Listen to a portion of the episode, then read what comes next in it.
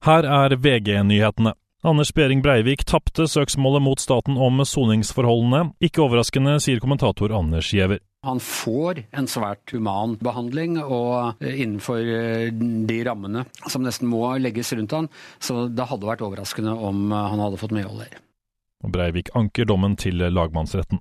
Pakistanske myndigheter har besluttet å utlevere Arfan Bhatti til Norge. Det melder NRK, som gjengir informasjon fra regjeringskontoret i Islamabad. 45-åringen er siktet for å ha planlagt terroren i Oslo 25.6.2022. USA kommer ikke til å forlate Nato selv om Donald Trump blir president. Det mener generalsekretær Jens Stoltenberg. Trumps kritikk er ikke rettet mot Nato, men mot Nato-land som ikke bruker nok penger på Forsvaret. Men dette er i endring, sier Stoltenberg. For many years, it was a valid point and a fair case to raise from the US side that European House and Canada did not spend enough. But things have really changed.